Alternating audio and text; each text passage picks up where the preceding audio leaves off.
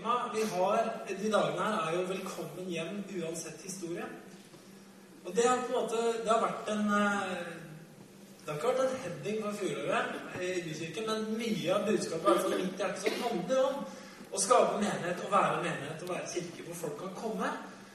Å komme inn og få lov å lande og finne Gud og, og finne nåde og finne liv og finne plass til å leve med de historiene de har. For det fins utrolig mange forskjellige historier. Jeg husker jeg var litt yngre enn jeg er nå. Jeg, jeg begynner å bli jeg er snart, jeg blir 45 år snart. Det er veldig, jeg, ser jo sånn rart hvordan åra går. Eh, eh, men det er jo en av de tinga som en oppdager etter hvert som en blir eldre. da.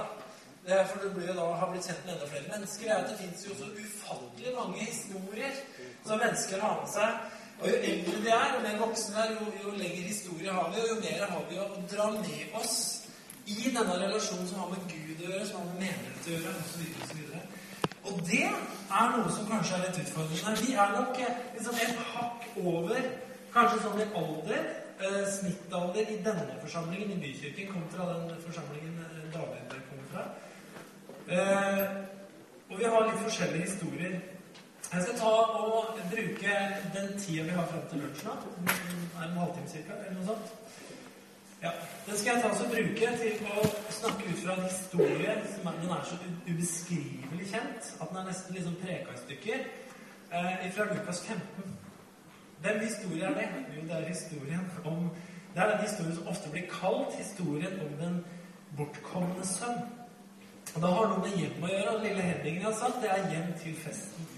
Og Jeg har lyst til å be en bønn, fordi at jeg har hatt, eh, jeg har hatt en utrolig travel uke. Jeg har hatt mindre tid til å sette meg ned og forberede meg enn det jeg ville hatt. Men jeg har noe i hjertet som jeg skal prøve å dele. Så jeg takker deg, Herre, for at du er her. Jeg takker deg, Herre Jesus Kristus, for at du gir oss nåde til å høre, til å tale, til å ta imot det du har, Herre. Og la oss få se inn i boka, inn i ordet, og få lov å se hva du har å si til oss i dag. Herre, vi gjør dette her fordi vi ønsker å gi ære til deg. Vi ønsker at du skal bli tydeligere for oss, bli tydeligere for mennesker i denne byen. At du skal få ære. I Jesu navn. Amen. Hjem. Home sweet home, sier de i USA, ikke sant? Og det er noe med det. Eh, Men det er sånn at det å være hjemme det er, ikke, det er ikke alltid noe vi ser på som så attraktivt som vi kanskje burde se på det. Eh, Det er noen sånne episoder, det kan være situasjoner vi kommer i i livet som gjør at hjemmet plutselig blir kjempeattraktivt.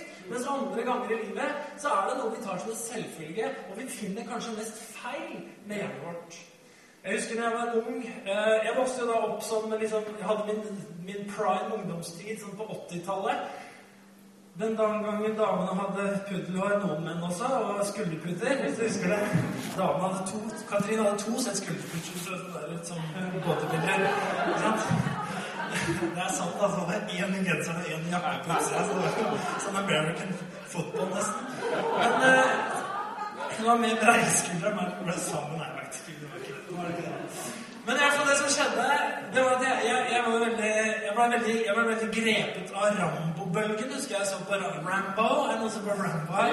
Flere menn på min dag så på Rambo. vet du. Han var, var sånn, skal det utløse en sånn trang til å dra på survival-turer, husker jeg. Så jeg og noen kamerater vi ble veldig opptatt av å dra på survival-turer og sjekke hvor tøffe vi var. Og en sånn survival-tur det skulle være en sånn skikkelig survival-tur òg. Det var på vinteren. Det hadde meldt veldig kaldt vær. da. Det var snakk om rundt 15 kuldegrader eller noe sånt. da. Og vi tok med oss ingenting. Altså, Vi tok med oss ski, vi tok med oss klær. Vi tok med oss en sånn liten eh, Nei, vi hadde ikke med mat på den turen. her, Det var det som var greia. Vi skulle klare oss uten mat. Vi skulle ha ett døgn ute. Og vi skulle ikke liksom ha noen sånne spesielle greier annet enn en sovepose. da. Så vi dro på den turen her et eller annet sted oppe i landet, oppe inne forbi Andebu og sånn.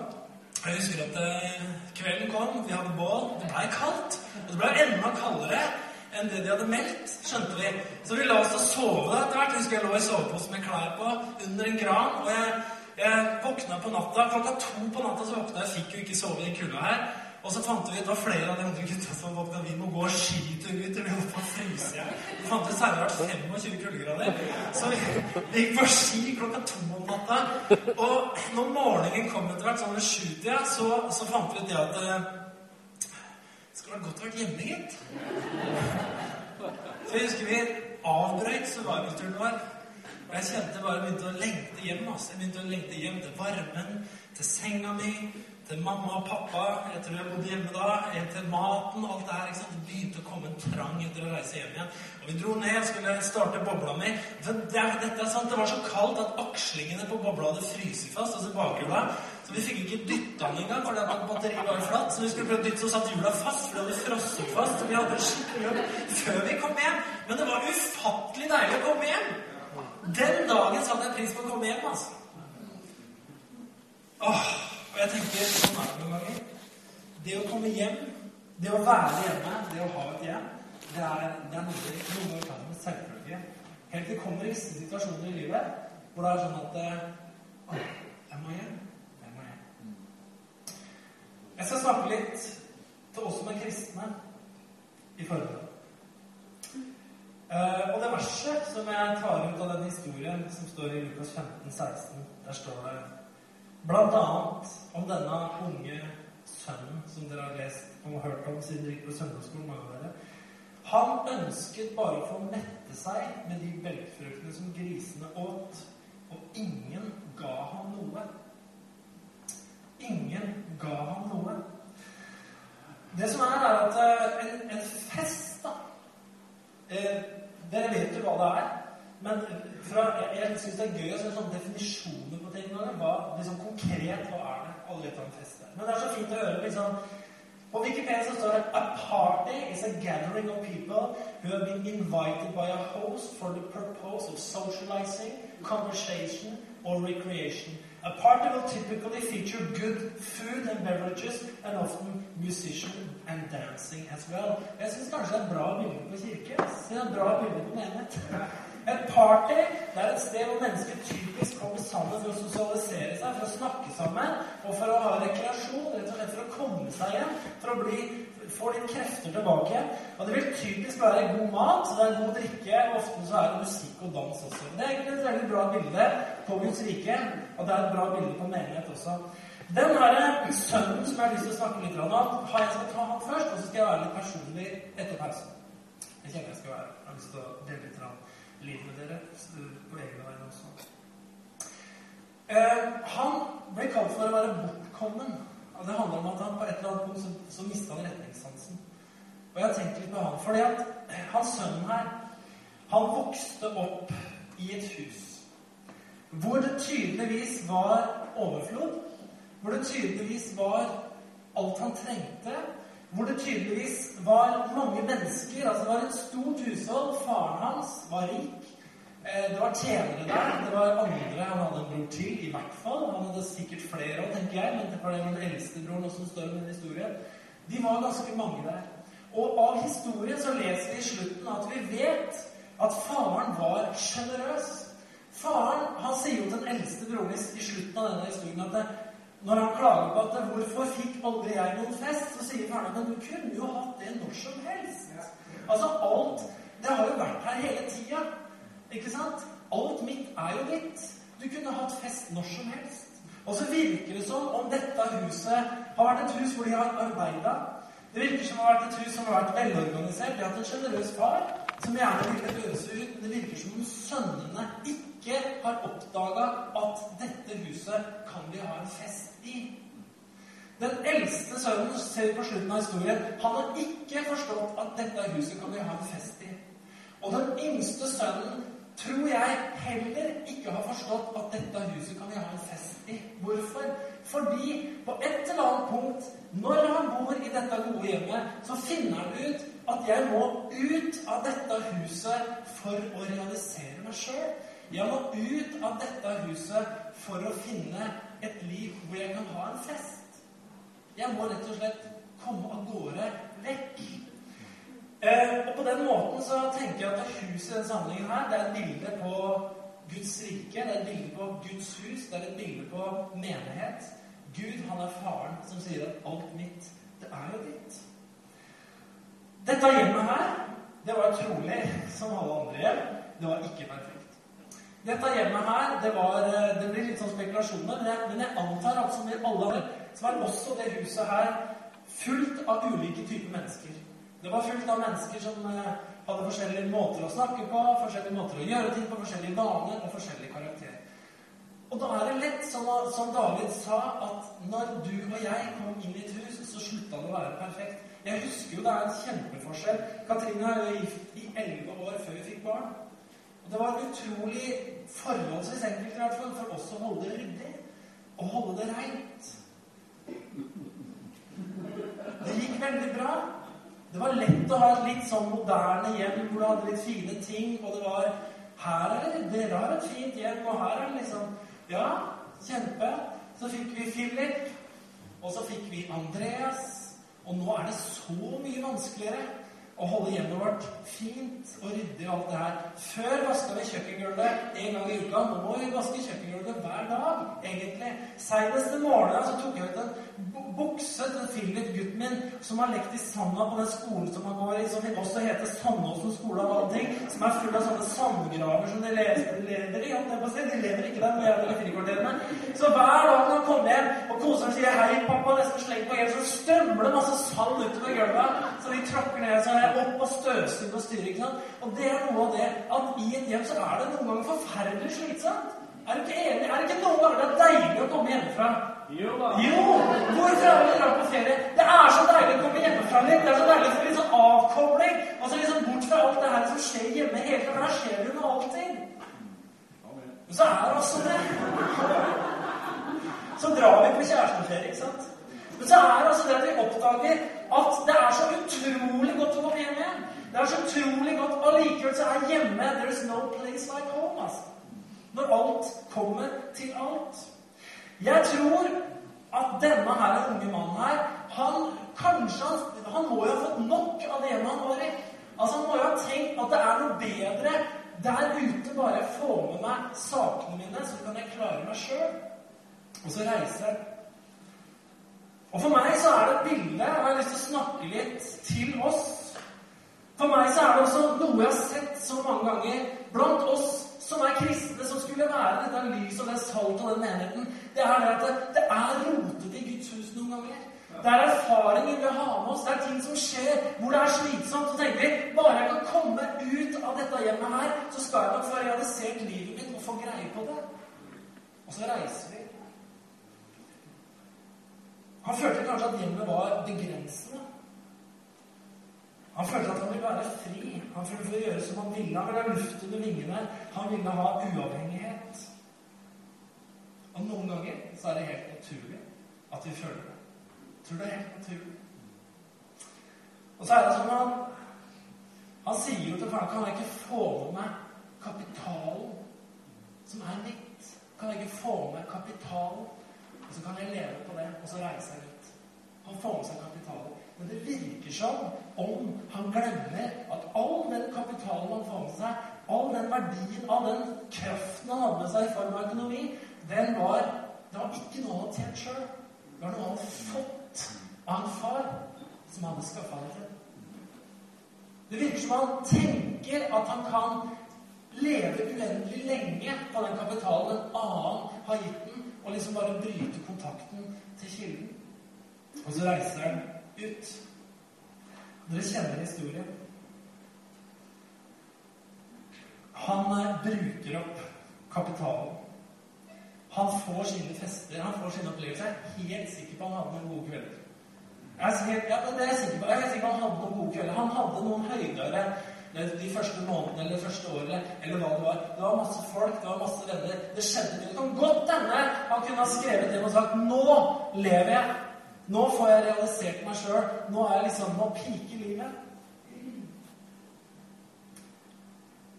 Og så er det bare det at etter en stund så begynner det å tørke inn. Han har brutt kontakten med kilden, han har brutt kontakten med hjemmet, og så begynner ting å tørke inn i livet hans. Og så begynner han å komme i en situasjon som må være fryktelig uvant for. Men han har alltid vært en vinner. Han har vært sønn av denne rike. Og faktum er at ofte så snakker vi om denne historien som en historie som handler om at folk har blitt frafalne og liksom vært fortapt og gått helt bort fra Gud. Faktum er at denne historien forteller ikke det. Denne sønnen forble sønn under hele den reisen ut. Det var aldri sånn at han slutta å være sønn. Det var aldri sånn at faren sa at nei, han er ikke sønnen din lenger. Han, han har forlatt han tilhører ikke dette husholdet lenger. Faren hadde ikke den tanken om denne gutten i det hele tatt. Faren gikk ut hver dag og speida etter sønnen sin. Han tilhører jo her. Han er fortsatt en del av husholdet, så han mista aldri sønnekåret. Han mista aldri det. Så det handler, Hvis vi skal liksom overføre det sånn, så handler det mer om en kristen som forlater Guds hus og fellesskapet rundt der hvor faren bor, og stikker av gårde for å realisere seg sjøl og bruke opp den kapitalen han har fått med seg på veien. Og vet du hva? Noen ganger så er vi utrolig ignorante i forhold til hva vi faktisk har fått med oss fra Gud. Vi har fått med oss fra Guds forsamling i menigheter og kirker der vi har vokst opp. Og så stikker vi ut så tenker vi jeg har alle ressurser, jeg har alt liksom på stell. Og så merker vi vi bryter, bryter av kilden, og så begynner det å tørke opp. Og så tenker vi Wow, jeg hadde noe. Jeg hadde noe som jeg kan komme hjem til igjen. Kan jeg komme hjem igjen? Og så ser jeg på det her som en historie om åndelig tørke. Han ønsket bare å bli mett. Han ønska bare å bli mett, men så slutta han å bli mett. Han, han fikk ikke mat lenger. Han ble ikke tilfreds lenger.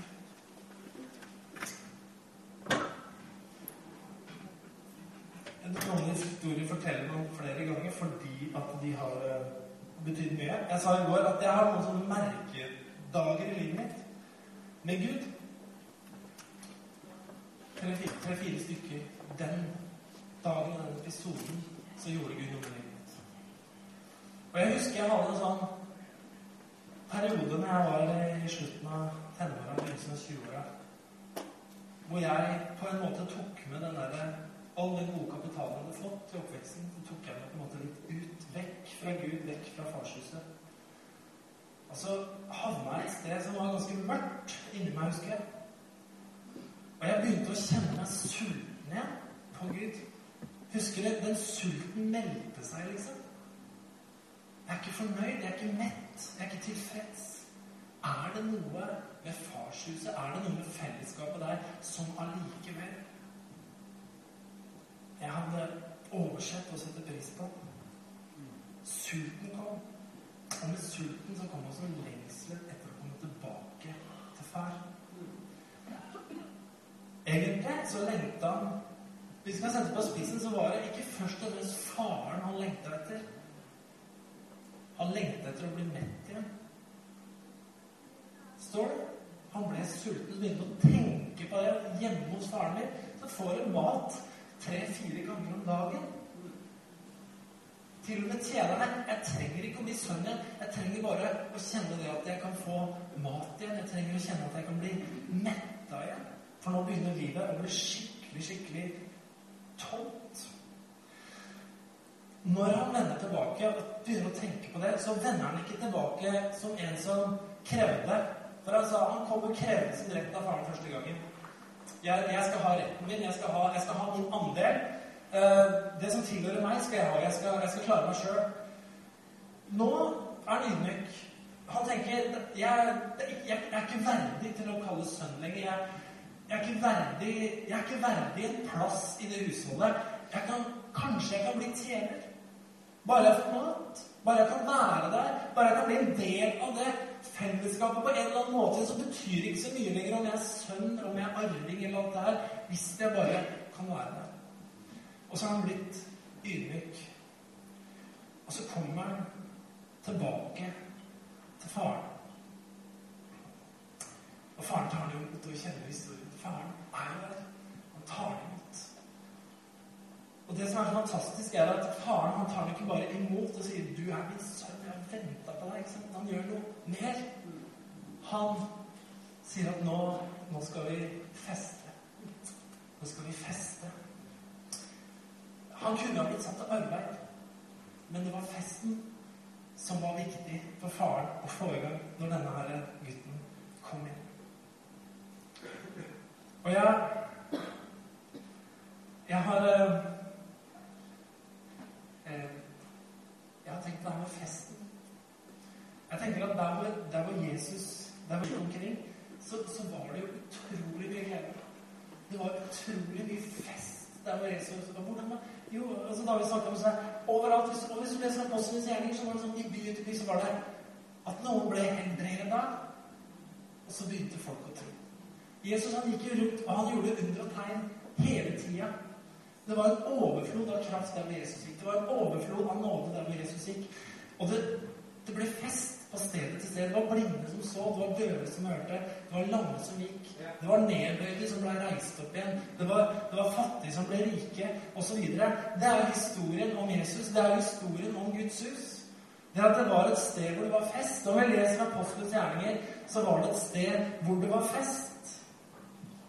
Og når sønnen kommer tilbake igjen, så kommer han tilbake til denne festen her. Jeg tror han ble overraska hvordan han ble tatt imot. Han hadde ikke venta det, han hadde ikke krevd det, men faren han setter i gang denne her festen her. Og det er et fest av overflod hvor det er mat nok, det er drikke nok, det er folk nok, osv., osv. Men denne her storebroren, han blir jo sur. Han har, han har arbeida, han har, han har slitt, han har vært trofast, han har vært alt det her som en god kristen skal være. ikke sant? Alt det her som vi liksom ser på veldig ofte. Men han hadde glemt at Guds hus det skulle være et hus hvor man kunne komme hjem og ta en fest. Amen. Og jeg tenker, det, her, det bildet her har, det har talt så veldig til meg i det siste at fest eh, hun nevnte nevnt det at det, det, kan også kalles for vekkelse, tenker jeg. Det er da veldig mange blir kristne på en gang. Eller når veldig mange blir entusiastiske for Gud på en gang. Når veldig mange begynner å feire Gud på en gang. Og det finnes mange sånne historier om vekkelse. Jeg skal dele litt etter pausen. men jeg har, jeg har vokst opp med denne vekkelsestanken veldig sterkt i, i, min oppvekst i pinsebevegelsen. Det at vekkelsen skulle komme. Og vi skal tenke på at, eh, at altså På en måte så har jeg jeg har problematisert begrepet vekkelse, det er mange som har gjort det. Eh, at vekkelse var det egentlig det handler om én og én, som vi hørte her i stad, og det er helt sant. Men det er også sånn at det finnes historisk sett så er det bare et faktum at i perioder og tider så har Guds hellige ånd vært utgitt på en sånn måte at mennesker kommer inn i et åndelig klima hvor det skapes åndelige fester. Og det har ofte blitt kalt for vekkelser. Det handler om, det handler om at Guds ånd er så sterkt til stede over mennesker, over steder, at det skapes en atmosfære hvor alt er mulig. Her er det liksom bare å slå ut håret og møte Gud. Jeg husker for noen år siden eh, ganske mange år siden det faktisk, Vi var en liten gjeng ungdommer den gangen jeg var ungdomsleder, tror jeg, eh, som bestemte oss for å gå opp til Slottsfjellet og be for byen vår. Og jeg husker vi gikk eh, opp, opp dit og stilte oss en ring opp på toppen av Slottsfjellet. Og så begynte vi å be for byen vår, og det var en ring kanskje med en 20 stykker eller sånn som sto der oppe. Og vi gjorde ikke noe spektakulært. Det var stille og rolig, og vi sto og ba. Og så skal det komme en, en, en, en, av gutta på byen, for å si det sånn, en litt godt voksen mann som nok var ute og drakk mer enn han skulle, osv. Eh, mens vi står der selvfølgelig med øynene igjen og følger ikke mye rundt, og så kommer plutselig denne fyren og stiller seg midt inne i ringen. Det var ganske frimodig gjort, da. Hvis du tenker på at det står 20 stykker i en ring og mumler og ber, sånn, så er det litt frimodig å gå opp dit og stelle seg midt inne i ringen. Han var ikke full heller, selv om han sikkert var det stadig vekk. Så steller han i midten der, og så oppdager vi ham og sier vi, Hei. Eh, hva vil du? Jo, du skjønner det. Når jeg gikk opp eh, fjellet her, opp bakken her, så plutselig, når jeg kom opp her, før jeg så dere, så kjente jeg det at jeg kom inn i en annen atmosfære. Som jeg måtte finne ut liksom hvor det kom fra. Og så når jeg så dere, så skjønte jeg at det kom herfra. Og så gikk jeg inn her, og så spurte han, og så spurte han oss bare sånn rett ut «Eh, Kan jeg bli kristen? Ja, for all del. Og vi hadde jo ikke evangelisert for ham, vi hadde ikke gjort det her. Men han, han ble, han ble fanga av noe Så jeg vil kalle Guds rike var der. Og vi ba for ham, og han ble jo frelst. Og jeg vet ikke hvordan det gikk videre. Vi, det løste seg opp, vi fikk ikke fulgt den opp, osv. Men han fikk i hvert fall en opplevelse av Gud som han tok med seg videre i livet. Det er jeg fullstendig klar over. Og jeg tror det at når denne her eldste sønnen var ute på markene og han hørte at det var fest på gang der inne, så var det noe i han som sa nei takk. Han hørte atmosfæren av fest. Han merka atmosfæren av fest, og så sa han nei takk. av forskjellige grunner så sa han nei takk. Og det er sånn at det hjemmet som Gud har, det er et hjem med herlighet. Det er et hjem med fest. Og så lurer jeg på om vi noen ganger sier nei takk til det som Gud har. Om vi for sjelden har vært i festsalen til Gud i hjemmet vårt. Om det har blitt for mye arbeid og for lite fest. Og når de hører lyden av fest, så sier de nei takk og sier 'Hvorfor har ikke det her skjedd med meg?' 'Hvorfor kommer det her til dem?' Og så videre. Er dette her for meg? Jeg vokste opp som kristen, jeg hørte det var én ting jeg la merke til. det var, Nå skal vi avslutte for noe gode. En siste ting jeg skal. Jeg vokste opp, og jeg traff mange godt voksne kristne. Og jeg merka at jo eldre de var, jo større forskjell var det på kristne. Noen gamle kristne de hadde én hovedoppgave i livet overfor oss som var yngre, men det var å advare mot alt som kunne være feil. Og så var det en annen kategori eldre kristne som oppmuntra oss til å søke og finne mer av Gud. Eldstebroren han advarte. Han var, han var sur og gretten. Men jeg tror at Guds hus det er et sted vi skal mette sulten vår. Det skal bli et sted hvor det er plass til party. Utrolig mange mennesker skal bli attrahert i enda større grad til å komme inn og hjem. Det er introen. Og så er det lunsj, skjønner jeg, når barna kommer tilbake. Så vi, vi gjør det sånn, og så skal jeg fortsette